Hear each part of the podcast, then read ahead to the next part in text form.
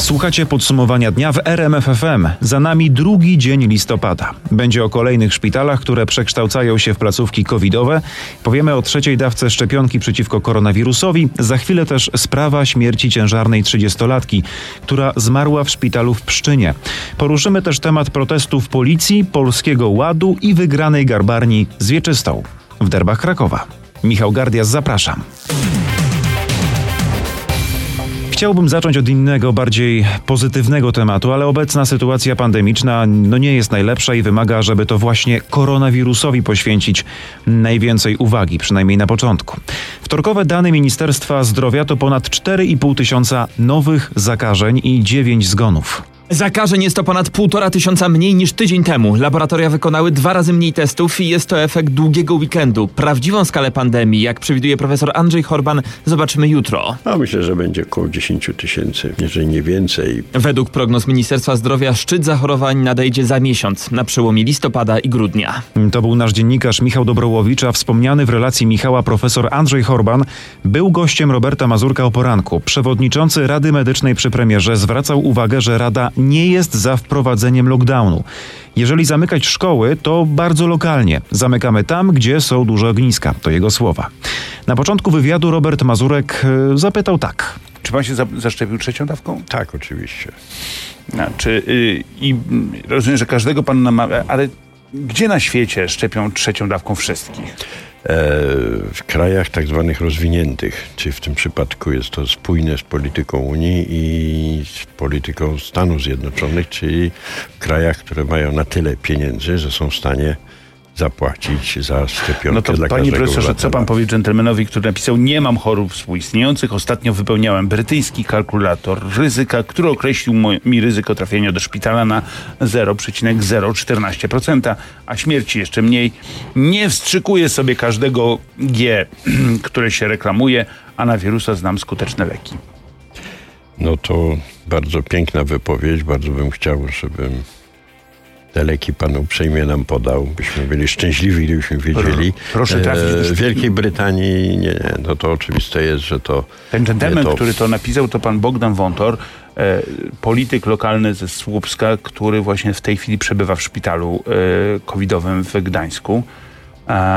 No bo jak się okazało, że choroba również antyszczepionkowców dopada. No, choroba dopada każdego i w tej chwili, już tak mówiąc, trochę złośliwie na oddziałach głównie są antyszczepionkowcy, czyli te osoby, które się nie zaszczepiły i prezentowały ten No pogląd. pan, pan, pan, pan, pan, pan Wątor po 8 minutach przy pobytu na Izbie Przyjęć napisał dramatyczny wpis, że od 16, a była 16.08, czekam w izolatce w szpitalu w Słupsku na przyjęcie na oddział covidowy bez jakiegokolwiek leczenia. Oburzone badanie wykazało 50% zmiany w płucach.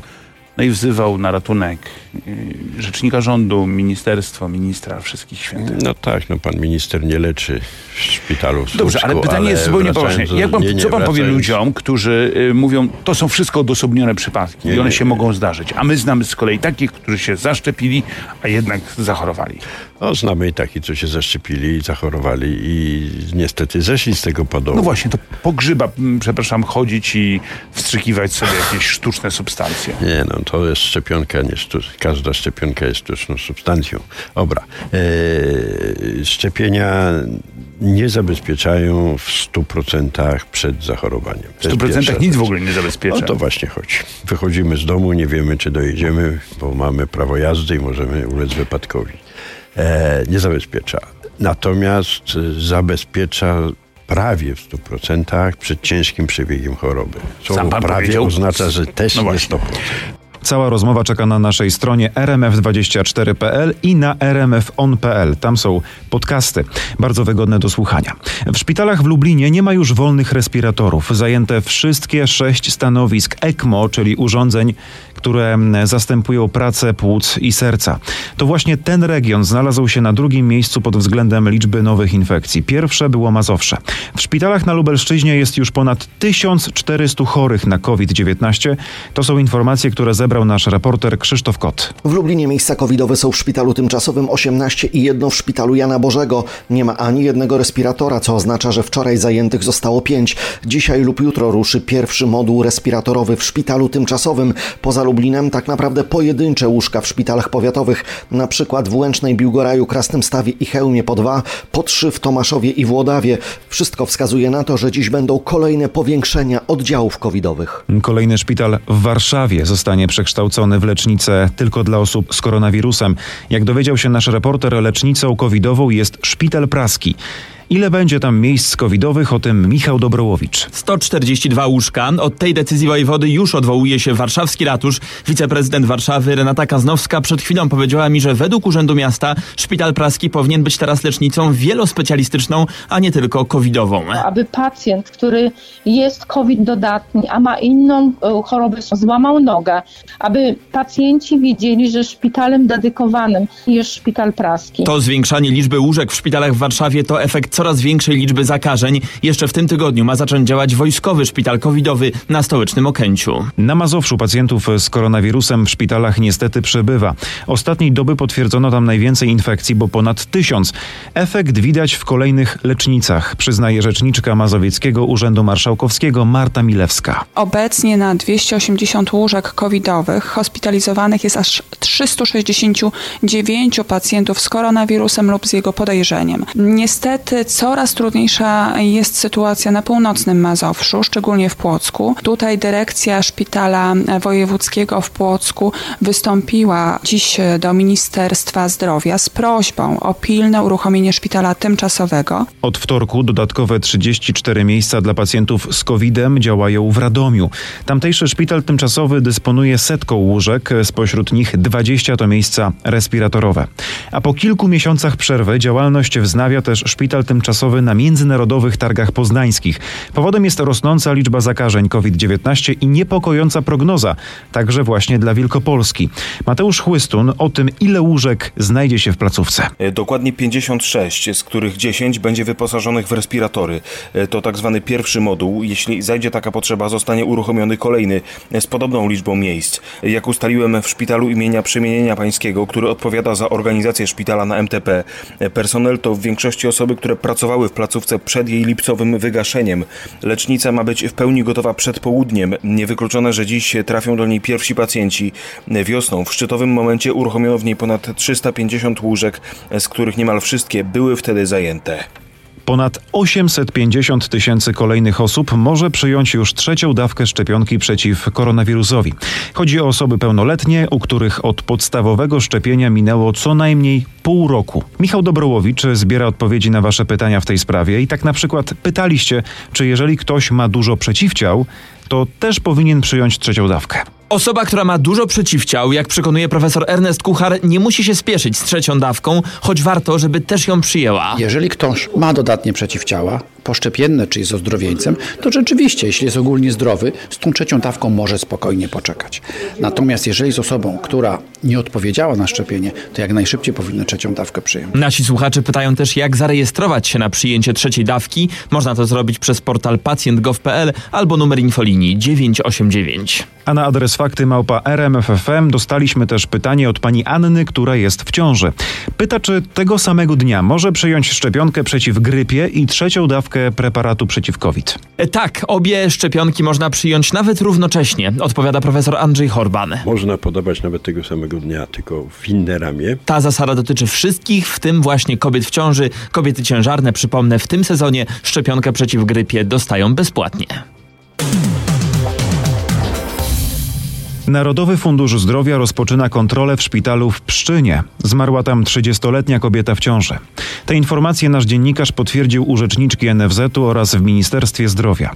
Przypomnijmy, kobieta trafiła do szpitala z powodu odejścia wód płodowych. W trakcie hospitalizacji płód obumarł, a niespełna 24 godziny później wskutek sepsy zmarła 30-latka. Według pełnomocniczki rodziny zmarłej pacjentka miała w SMS-ach pisać najbliższym, że lekarze przyjęli postawę wyczekującą, co miało się wiązać z przepisami dotyczącymi aborcji.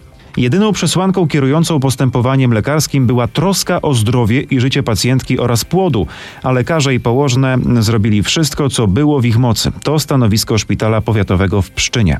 Placówka podkreśla, że całość postępowania medycznego podlega teraz ocenie prokuratorskiej. Zaznacza też, że osobną sprawą jest ocena stanu prawnego w zakresie dopuszczalności przerywania ciąży. Należy jedynie podkreślić, że wszystkie decyzje lekarskie zostały podjęte z uwzględnieniem obowiązujących w Polsce przepisów prawa oraz standardów postępowania. Mówi rzeczniczka Pszczyńskiego Szpitala Barbara Zejma-Oracz. Równolegle sprawą zajmuje się też prokuratura. Jest śledztwo w sprawie niedzielnego wypadku w Papłowicach na Śląsku. Rozpoczęła je prokuratura rejonowa w Jastrzębiu Zdroju. W wypadku zginęła jedna osoba, a pięć zostało rannych. Śledztwo prowadzone będzie też pod kątem katastrofy drogowej, a nie jedynie śmiertelnego wypadku. Dlaczego? Wyjaśnia to Marcin Buczek. Decydująca jest tutaj, jak usłyszałem w prokuraturze w Jastrzębiu, liczba osób, które jechały w obu samochodach. Ponieważ było ich około 20 i bezpieczeństwo ich wszystkich mogło być zagrożone, możemy mówić właśnie o katastrofie. To na razie bardzo wstępny etap śledztwa. Planowane są przesłuchania uczestników wypadku. Biegli ocenią także stan samochodów. Jak zaraz po wypadku mówili policjanci, kierowca autobusu zjechał na przeciwny pas, bo prawdopodobnie nie chciał zderzyć się z samochodami, które miały hamować przed przejściem dla pieszych. Jak jak usłyszałem, prokuratura będzie też sprawdzać i ten wątek. Na razie nikt nie usłyszał zarzutów, nikogo też nie zatrzymano. A teraz w podsumowaniu dnia temat brutalnego pobicia grupy Włochów przed klubem w centrum Warszawy. Policja szuka dwóch młodych kobiet, które były świadkami tego zajścia. Przypomnę, do zdarzenia doszło w nocy z piątku na sobotę. Trzy osoby trafiły do szpitala. Najciężej ranny Włoch ma złamaną nogę, uraz głowy i uszkodzone oko. Wszyscy opuścili już szpital. Co udało się ustalić do tej pory? O tym Mariusz Piekarski. Policja przesłuchała już poszkodowanych Włochów i z ich relacji wynika, że zostali napadnięci i pobici po wyjściu z jednego z klubów na ulicy Mazowieckiej. Dlatego policja prowadzi na razie postępowanie właśnie w sprawie pobicia. Czyli w tym przypadku miały osoby się tylko i wyłącznie bronić z uwagi na e, agresję pozostałych e, osób. E, nagrania wyglądają troszeczkę inaczej. Bo jak mówi rzecznik stołecznej policji Sylwester Marczak, nagrania z monitoringu z ulicy Mazowieckiej mogą sugerować, że nie było to jednostronne pobicie, tylko bójka dwóch zwaśnionych grup. Mówimy o starciu, dlatego że te nagrania wstępnie wskazuje na to, że mamy do czynienia do wymiany pomiędzy e, stronami. Policja szuka też dwóch młodych kobiet, które przyglądały się bójce, a potem rozmawiały z Włochami. Według policji to mogą być kluczowi świadkowie. Policja zna też wizerunki sześciu, ośmiu osób, które brały udział w pobiciu Włochów. Warszawa, Mariusz Piekarski. A teraz będzie o naszych pieniądzach, bo Polski Ład wędruje na biurko prezydenta. Po tym jak w piątek Sejm ostatecznie uchwalił podatkową rewolucję, teraz Andrzej Duda ma 21 dni na jej podpisanie. To, że podpis będzie, no wydaje się oczywiste. Pytanie, co się zmieni? Skoro znamy już ostateczny kształt zmian podatkowych, to kto na nich zyska, a kto straci? Wyjaśnia to Krzysztof Berenda. Zyskają przede wszystkim ci Polacy, którzy ciężko pracują i nie mają z tego wielkich pieniędzy, czyli przede wszystkim osoby zarabiające poniżej średniej krajowej. Zyskają także emeryci. Wszystko dlatego, że w górę do 30 tysięcy złotych wzrośnie mm, kwota wolna od podatku. Stracą natomiast osoby zarabiające więcej, zwłaszcza te, których zarobki na kręgę przekraczają 7 tysięcy złotych. Stracą także samotni rodzice, bo znikną zniknie dla nich wspólne rozliczanie się z dzieckiem. Sporo stracą także przedsiębiorcy i to nie tylko sporo pieniędzy, ale głównie sporo nerwów, bo na zrozumienie i wdrożenie tych bardzo skomplikowanych zmian mają niecałe dwa miesiące. Zdaniem wielu z nich to po prostu za mało. Pracownicy cywilni policji rozpoczęli we wtorek protest. Powód? Zostali pominięci w planowanych zmianach dotyczących służb mundurowych, które przewidują wzrost płac funkcjonariuszy. Na czym polega ten protest? Więcej szczegółów zna Tomasz Skory. W piątek szefostwo Związku Zawodowego skupiającego pracowników policji formalnie weszło w spór zbiorowy z pracodawcą. Jednak jak się okazuje, część członków związku nie chce czekać na efekty tego sporu. Z naszych ustaleń wynika, że w kilku województwach cywilni pracownicy od dziś idą na zwolnienia lekarskie. Tak jest m.in. w Łódzkim czy na Podkarpaciu. Władze związku zastrzegają ostrzegają, że to oddolna inicjatywa i nie mają danych o skali tej akcji. Jeśli byłaby masowa, może doprowadzić do zablokowania prac policyjnych jednostek. Pracownicy cywilni domagają się m.in. 2,5 tysiąca złotych podwyżek, które w sumie mieliby dostać przez najbliższe 4 lata w trakcie działania ogłoszonego właśnie programu modernizacji policji. Mm, Cywilni pracownicy policji zadbali we wtorek o swoje zdrowie w ramach tego oddolnego protestu. W ten sposób domagają się właśnie, jak słyszeliśmy, podwyżki płac. Według informacji naszego reportera na Lubelszczyźnie rozchorowali się pracownicy cywilni w komendach na Wzamościu, e, Tomaszowie Lubelskim, Kraśniku czy Świdniku, a w komendzie wojewódzkiej Wydział Zarządzania. Absencja wśród cywili mm, według naszych informacji sięgała średnio 80%.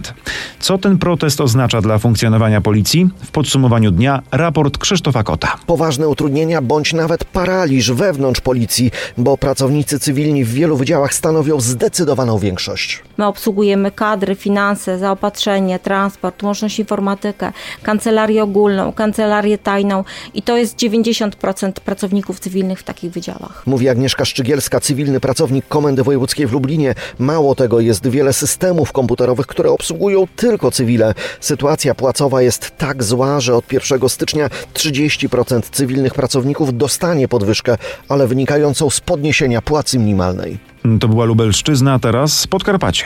Według moich informacji największą skalę protest przybrał w Ksanoku, Ustrzykach Dolnych, Brzozowie i Strzyżowie. Tam o swoje zdrowie zadbało praktycznie 100% pracowników cywilnych. W Stalowej Woli absencja sięga około 90%, a w Kolbuszowej i Tarnobrzegu 80%. Mamy też informację, że większość pracowników dołączyło do protestu w komendzie w Jarosławiu. Co to oznacza? Na przykład nie ma kto obsługiwać sekretariatów, systemu pocztowego, zamawiać materiałów biurowych czy wydawać rzeczy z magazynu. Do tego oczywiście naprawy, sprzątanie, łączność, informatyka i takie sprawy jak kadry czy płace, którymi w zdecydowanej większości zajmują się pracownicy cywilni. O proteście pracowników cywilnych policji piszemy na rmf24.pl.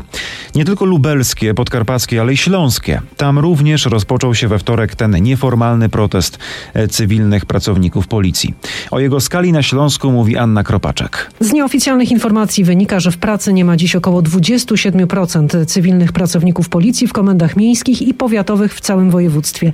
Najwyższa absencja, to też nieoficjalne informacje, jest w komendach w Bielsku Białej, Żorach i Dąbrowie Górniczej. Związek Zawodowy Pracowników Policji podkreśla, że to protest oddolny. W piątek związkowcy wszczęli spory zbiorowe dotyczące płac. Domagają się około 2,5 tysiąca złotych brutto podwyżki dla pracowników cywilnych w ciągu czterech lat. Mm, Powtarzała Anna Kropaczek. Tak było we wtorek. Jak będzie jutro, czy protesty będą eskalować? Relacje na naszej stronie rmf24.pl i oczywiście na naszej antenie. Za nami drugi dzień listopada, czyli zaduszki. To bardzo specyficzny czas w roku, kiedy dużo myślimy o śmierci. Są jednak sytuacje, kiedy bardzo trudno pogodzić się z umieraniem, zwłaszcza kiedy dotyczy to dzieci. Robimy wszystko, żeby nasi podopieczni nie musieli odchodzić w towarzystwie szumu aparatury medycznej i kroków personelu szpitalnego. Chcemy, żeby towarzyszyli im rodzice, rodzeństwo czy ukochane zwierzęta. Mówi w rozmowie z dziennikarką RMFFM Urszulą Gwiazdą dr Krzysztof Nawrocki z Małopolskiego Hospicjum dla Dzieci w Krakowie.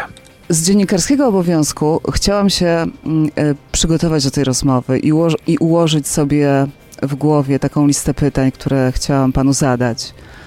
No każde pytanie jest jakieś absolutnie bezsensowne. Dlaczego? Dlaczego? Hospicjum dla dzieci nie jest tworem, który, że tak powiem, jest wyalienowany z rzeczywistości. Pracują i, mm, że tak powiem, e, udzielają porad żywi ludzie. Naszymi mm, adresatami naszych, naszych wszystkich mm, usług są też żywi ludzie. Absolutnie nie jesteśmy oderwani od życia, żyjemy pełnią życia. To jest taki mit, że ja tu przyjechałam i spodziewałam się Wszyscy sądzą, że to jest coś, co y, powinno każdego człowieka przestraszyć. Nie, hospicjum to jest miejsce, mówię hospicjum dla dzieci. To jest miejsce, gdzie wręcz y, niektóre mm, strachy po prostu uciekają z domu. My pracujemy w domach i y, potrafimy, z czego się bardzo cieszę, doprowadzać do sytuacji, że y, śmiech jest czymś na co dzień obecnym w tych domach. To jest takie miejsce, gdzie życie tak naprawdę wszystko weryfikuje, nasze jakieś założenia, tak jak pan powiedział, strachy. Trzeba żyć tu i teraz. Ileż mieliśmy takich sytuacji, gdzie przyjmowaliśmy pod naszą opiekę dziecko, które według wiedzy medycznej nie miało żadnych szans, żeby nie tyle przeżyć rok, żeby przeżyć miesiąc, nawet tydzień. Mamy te dzieci pod opieką już kilkanaście miesięcy lub nawet kilka lat. W związku z tym e, to nie jest tak, że mm, hospicjum dla dzieci jest e, drogą w jedną stronę. Mamy też takie sytuacje, że ludzie, którzy oceniali stan zdrowia dziecka, e, profesorowie, ośrodki medyczne z całego świata, nie dając tym dzieciom żadnych szans na przeżycie. Te dzieci, ja nie mówię, że one są pełnosprawne, ale te dzieci normalnie funkcjonują w warunkach domowych i dostarczają radości na co dzień swojej matce, ojcu, babci, dziadkowi, rodzeństwu. E, to nie jest tak, że hospicjum dla dzieci to jest umieralnia. Cały czas to podkreślam. To jest miejsce, w którym również jest szansa na to, żeby przejść do tego, nazwijmy, życia poza hospicjum. Oczywiście mamy dzieci, które odeszły i to całkiem sporo pod naszą opieką ale to też jest, y, myślę, że pewnego rodzaju y, powód do satysfakcji, że to odejście odbyło się y, w takich warunkach, które były dla wszystkich czymś chyba najbardziej optymalnym. Czyli wśród swoich, bez szumu aparatury medycznej, bez kłucia, bez porannego tupotu, tupotu personelu medycznego.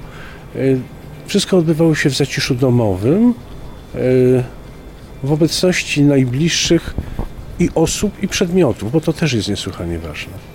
To był dr Krzysztof Nawrocki z Małopolskiego Hospicjum dla Dzieci w Krakowie w rozmowie z naszą dziennikarką Urszulą Gwiazdą. W podsumowaniu dnia czas na kulturalne doznania. Chyba każdy się ze mną zgodzi, że łatwiej nam je odbierać, jeśli są za darmo. Na pewno są jeszcze bardziej przyjemne w odbiorze. Do końca miesiąca trwać będzie darmowy listopad w rezydencjach królewskich. W akcji po raz pierwszy udział bierze aż 8 placówek. No i pytanie, które rezydencje można odwiedzić bezpłatnie? To m.in. Zamki Królewskie na Wawelu, w Warszawie, w Sandomierzu i w Poznaniu. Jest też Muzeum Zamkowe w Malborku czy Zamek Żupny w Wieliczce. A jakie atrakcje czekają na zwiedzających? Na zamku w Warszawie na przykład apartamenty króla Stanisława Augusta i obrazy Jana Matejki. Zamek w Wieliczce uczestniczy w tym projekcie po raz pierwszy. Ma do pokazania m.in. wystawę najcenniejszych na świecie kolekcji solniczek. Na Wawelu można zajrzeć na przykład do zbrojowni. Rezydencje królewskie, o których mówiłaś, oprócz bezpłatnego zwiedzania mają też w ofercie warsztaty i lekcje muzealne.